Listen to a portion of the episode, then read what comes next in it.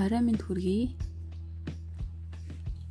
За би та бүхэндээ одоо шилдэг борлуулагчийн арга билгийн 10 арга ухаан гээд бүрв жавын ганд олгорын номыг уншиж уншиж өгөхөөр бэлдсэн байна. За тэгээд энэ болохоор нөгөө 2020 онд гарсан ном, шинэ ном.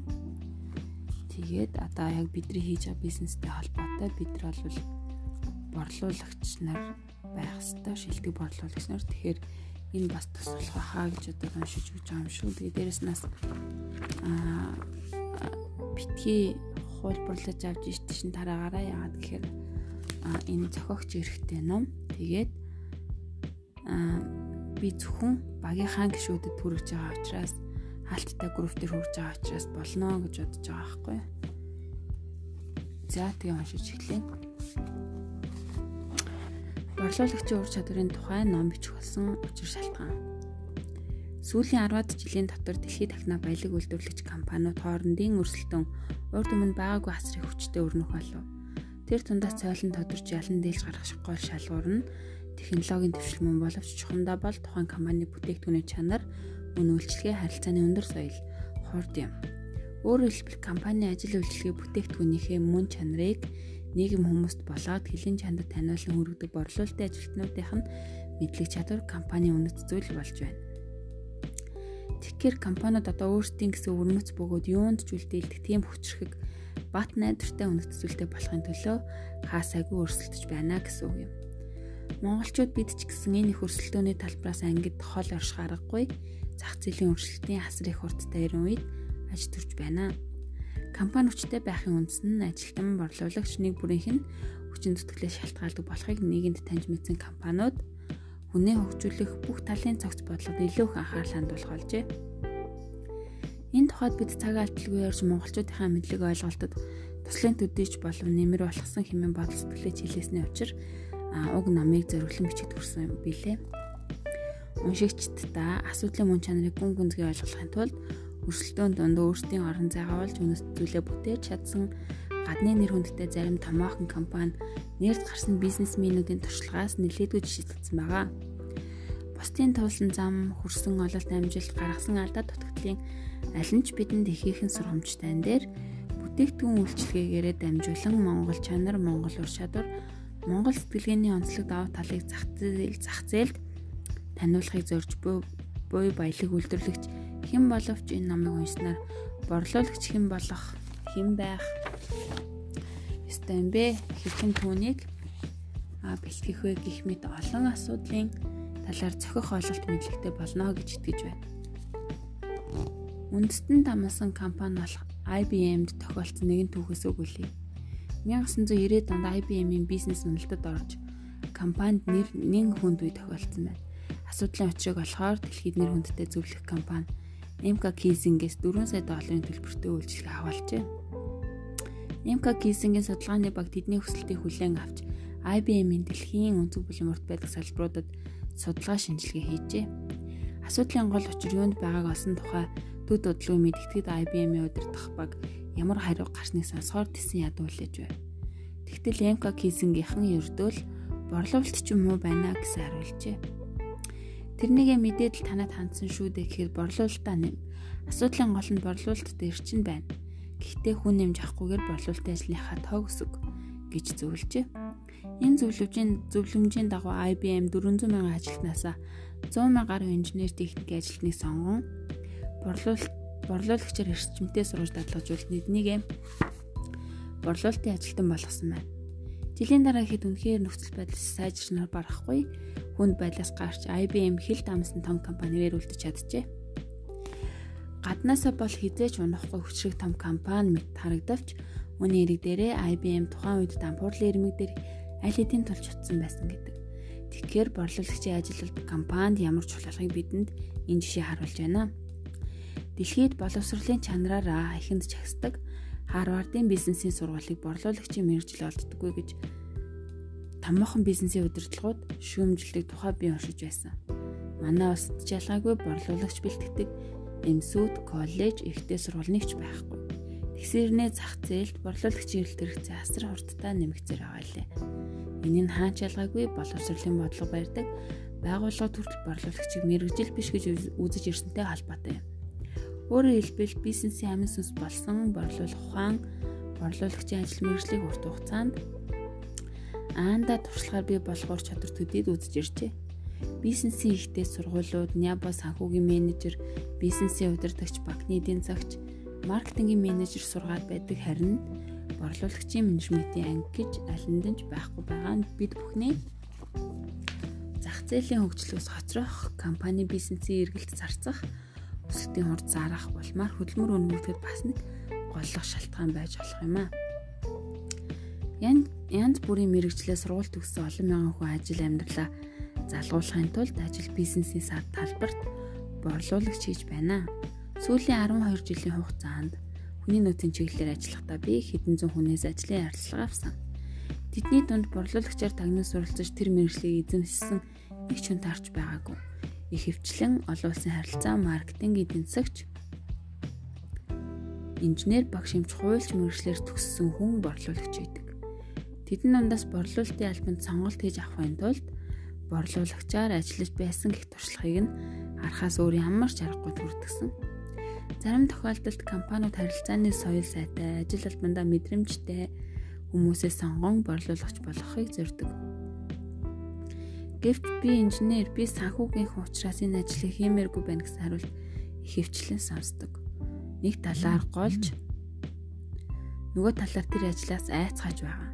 Ер нь хүмүүс бодол сэтгэлдээ дандаа л бусдыг царайчилдаг учраас борлуулагч бол хэцүү ажил хэмээн аль хэдийн кодолчихсан байдаг.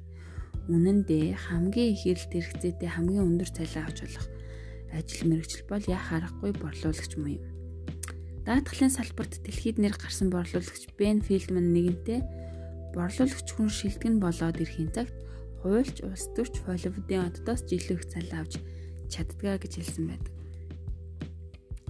Монголын ажил олгогчдын зарлсны ажлын байрны 25% нь борлуулалтын ажилд аавна гэсэн зар байдаг тухай статистик тоо үзүүлэлт гарсан ийм их эрэлт хэрэгцээтэй байгаа хэрнээ яг шаардлага хангаа ажиллах хүн ер нь холдохгүй байдаг нь юуг илэрхийлж байна вэ? Борлуулалтын мэрэгжлийн боловсон хүчин ийхүү хаанч огт үгүй байгаа тул ажил олгогчид богино хугацаанд сургалтанд хамруулах эсвэл өөр ажил хийнгээ давхар суралцуулах замаар үнэ бэлтэж байна.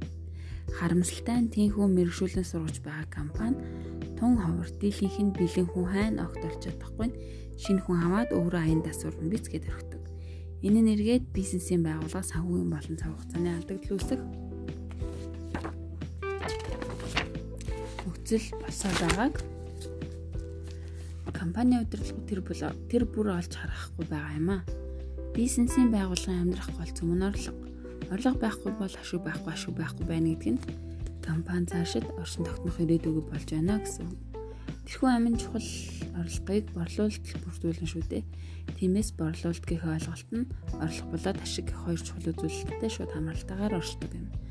Тиймээс зах зээл хөгжсөн дэлхийн томоохон улс орнуудын практикт борлуулалтын албанаар зүтгэсэн он удаан жилийн туршлагатай хүмүүс өөр хоорондоо түүхээ хуваалцаж бусдад заа сурахын хэрээр зарим нэг зарим нэг шилдэг борлуулагчийн зан төлөв дадал зуршил ажлын арга барилыг судалж дүн шинжилгээхийн ном сурах бичиг гарын авлага бүтээн олны хүртэл олгон толилуулж ирсэн байна. Борлуулалтын арга ухааны ном бүтээл Amazon дээр цахим мууц номын дэлгүүр хэдэн мянга саяараа зарагдаж шилдэг борлуулалтын номын жагсаалтыг тэргүүлсээр байдаг. Үерийн ус шиг тэр их бүтээлээс өнөөдөр гарын 10 хороонд багтах тооны ном л монгол хэлний орчуулагдан бидний гарт ирээд байгаа нь нэг талаас аавштай ч нөгөө талаар өрнө сэтгэлгээний тулгуурлан бичсэн болохоор борлуулалтын зарим зарчим арга техникийн төдийлөн ойлгомжгүй байх тал бий. Тиймээс дорны сэтгэлгээтэй Монгол түмэн тохирсон борлуулалтын арга ухааны ном алхам тутамд өгүүлэгдсэн хэвээр л байна. Борлуулалтын амжилтыг хэд дахин нэмэгдүүлэн өсгөх ухааны учрыг таниулж борлуулагчдад жинхэнэ оюуны хөрөнгө оруулалт болох даацтай бүтээл усаагаар шиг хэрэгтэй байгаа юм аа. Миний бие бизнесийн салбарт 20 жил ажиллахдаа борлуулалтын ажлын туршлага хийгээд шилдэг борлуулагчдын ажилтны түүхийг нэвтлэн судалж нэгтгэн дөвөнхийн хамт уншиж судалсан ном тохимол мөн энэ сэдвэр боловсруулсан сургалтын хөтөлбөртөө тулгуурлан жинхэнэ Монгол хөрсөнд бууж чадсан борлуулах ухааны ширээний ном бүтээгсэн хэмээн зор зүтгэсэн юм аа. Ямар ч боловч тань ямар боловч таны гар дээр очиж байгаа энэ хүү бэсрэг номын ухаанд шимтэн дурлаж борлуулахаар ухааны нарийн ширээнийг мэдэрч гэмээн борлуулагч таны ашиг орлого хэд дахин өснө гэдэгт итгэл төгс байна. Борлуулагчтай ашиг орлого нэмэх тусам компанитай нь өрсөлдөх чадвар улам өсч улмаар улс орныхоо эзэн засгийн хөгжилд үнэлж баршгүй хоньмор оруулах нь дамжиггүй юм аа. Юуны өмнө намандаа би шилдэг борлуулагчдад байх ёстой чухал зан чанар түлхүүр ур чадварын чадварыг монголчууд эрхэмлэн дээдэлж ирсэн арга билгийн ухаанд хөрвүүлэхийг зорио. За арга бэлэг хоёрын тухай. Арга бэлэгийн 10 ухааныг тайлбарлахын өмнө энэ эрхэм ухааны талаар ойлголтуудаа нэгтгэе.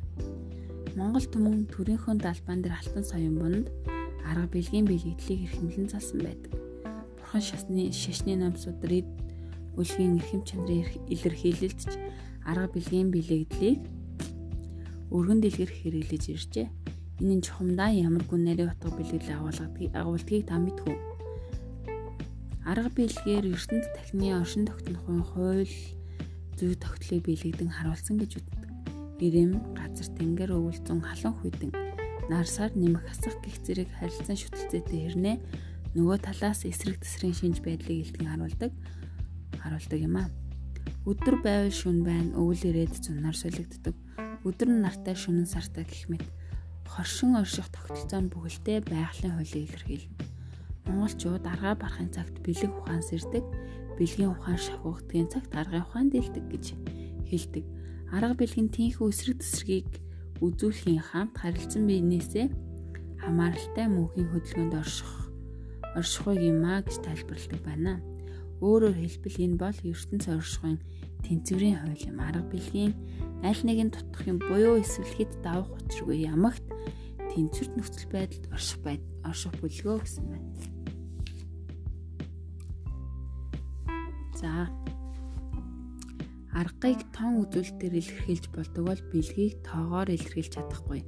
Арга бол бит оршихгүй, бэлэг бол бит бос оршихгүй юм.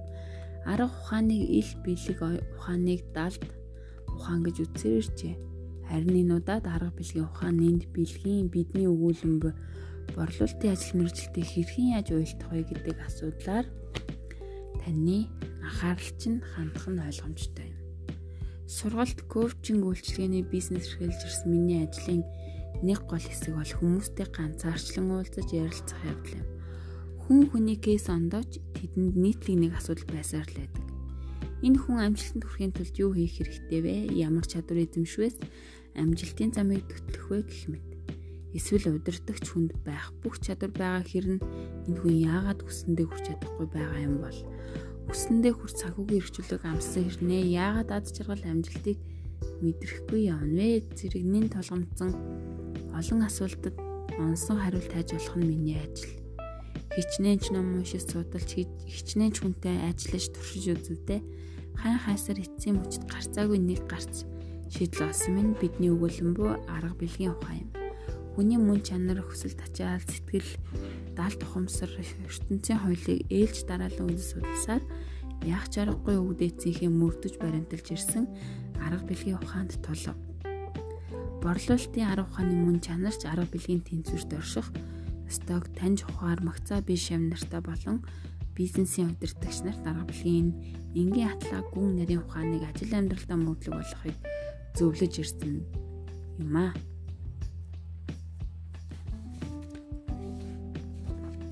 За борлуулалтын ажилтны тухай дийцэд байна.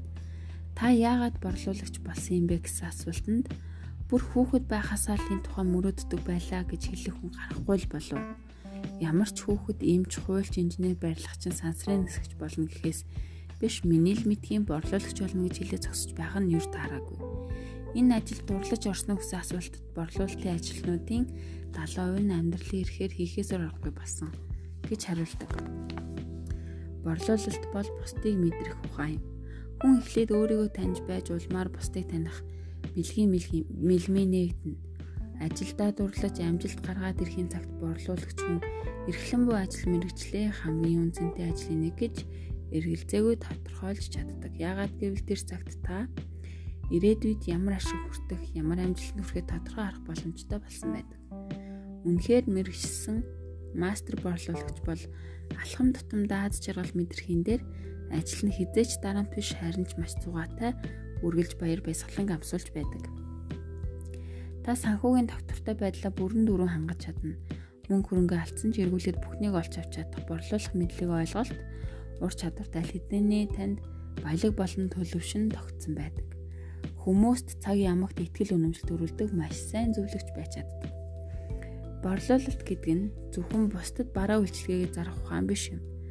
Худалдан авахчийг олж тэдний хүйс өсөл сонирхлыг илрүүлж асуудлыг бүрэн дүүрэн шийдэх хэмжээний бүтээгдэхүүнийг санал болгохын хамт ямар ч эсэргүүцэл өгөөсгөлийг амжилттай даван гарч тэр бүхнийг ашиг орлоготой борлуулалт болгон хувиргах төгс мэдлэг уран чадвар юм а. Борлуулалтын дараач үйлчлэгээ үзүүлж чадсанаар борлуулалтын бүрэн цогц үе шат сая дуус сая дуустдаг. Борлуулагч хүн бүхэн энэ бүхнийг төгс төвлөрхийж гүйцэтгэх ёстой. Шилдэг борлуулагч яг л эмчиг ажиллаж чаддаг учраас үн цэнийг бүтээж чаддаг юм. Эхлээд өвчтөн нь нэгт нямбайчин сэтгэлээсээ үзэж байж эмч сая үнэн зөв оншилдог. Тийм онцлогоонд яг онсон эмийн жор бичиж өгнө. Үүнтэй адилхан шилдэг борлуулагч байгаа бүтээгдэхүүнээ өгс үггүй шууд шахахын оронд худалдан авахчийн юу хүсэж байгаа түүний хэрэгцээ чухам юу мөн болохыг олж тодруулж мэдсэний дараа тохирсон хариуг олж аль аль талдаа сэтгэл ханамжтай борлуулалт хийнэ. Борлуулалтын талбарт нэгэнд шалгарсан шилдэгүүд хаанч мөн шилдэг зөвлөх зөвлөх байхаас гадна маш сайн туслагч анд бөхөр болж чаддаг. Өөрөөр хэлбэл тэд гарч байж орж ирдэг, өгч байж олж авдаг орлого зарлагын ухааны хуулийг мэддэг юм аа.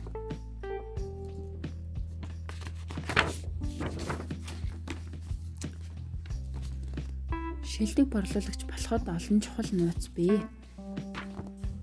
Тэд энгийн борлуулагчаас огтөөр нарийнандаа арга ухаанаар ажилдаг. Тэр нь тэгээд яг юу юм бол арга бэлгийн ухаанд шүтсэн арга барил, жинхэнэ Монгол ухаанд орнынгүн ухаанд шүтсэн ажил үйлчилгээ явуулах эрдэм мэдлэг юм. Алдар нэр албан тушаал санхүүгийн эрхчлөөнд хүргэх амжилтын алтан бэлгүүрийг атхан баялагийг хүртэх арга ухаан юм. Та тэр их баялагаас хүртгсэн гэж хүсэж байна уу? Тэгвэл би таны өмнө тэр ухааны нууцыг харамгүй дэлгэхийг хичээе арга бэлгийн ухааныг борлуулалтаа ашиглах нь гэсэн дэзэд байна. Шилдэг борлуулагчид агуу том зорилго тавьж түүндээ хүрэх маш тодорхой төлөвлөгөө гаргаад түүн рүүгээ ямх ямхаар зогсолтгүй урагшлагыг амьдралдаа дадал хэвшил болгосон байдаг. Үүнийг арга бэлгийн онолоор тайлбарлавал төлөвлөлт, зорилго, аргын ухаан буюу үр дүн болж өдөр тутмын үйлдэл нь бэлгийн ухаан буюу үйл явц болж байгаа юм. Өөрөөр хэлбэл үр дүнг холч ухаан үйл явцыг нарийн ухаан гэж ойлгож болно. Ихэнх борлуулагч яагаад амжилтанд хүрэхгүй байна вэ гэхээр тэд аль нэг талыг хит их барьж ажилдагт байдаг. Би ч ялгаагүй энэ хоёрыг харилцан шүтэлцээтэй тэнцвэрт байдалд орцгийг тэр бүр ойлгохгүй ирээдүйн холч ухаан буюу урт хугацааны төлөвлөлтгүйгээр олон жил ажиллаж амьдарч зөвхөн өдөр тутмын үйлдэлтэй ач холбогдол өгсөн нэг л их завгүй хүн явсан байдаг. Хэрв хэн нэг надад энэ хоёр хоёулаа чухал гэдгийг тэр үед хэлж ойлгуулсан бол маш их зүйлийг бүтээж цаг хожих байжээ гэж боддөг юм аа. За, өнөөдрийн подкастаа ингээд дуусгая. Аа, дараагийн подкаст дээр бид нэр арга бэлгийн ухаан номер 1 буюу шилдэг борлуулагчийн амжилт үр дүн ба үйл явцаас хамаарах нь гэсэн сэдвийг унших унших нь байна. За тэгээ дараагийн подкаст хүртэл түр баяртай.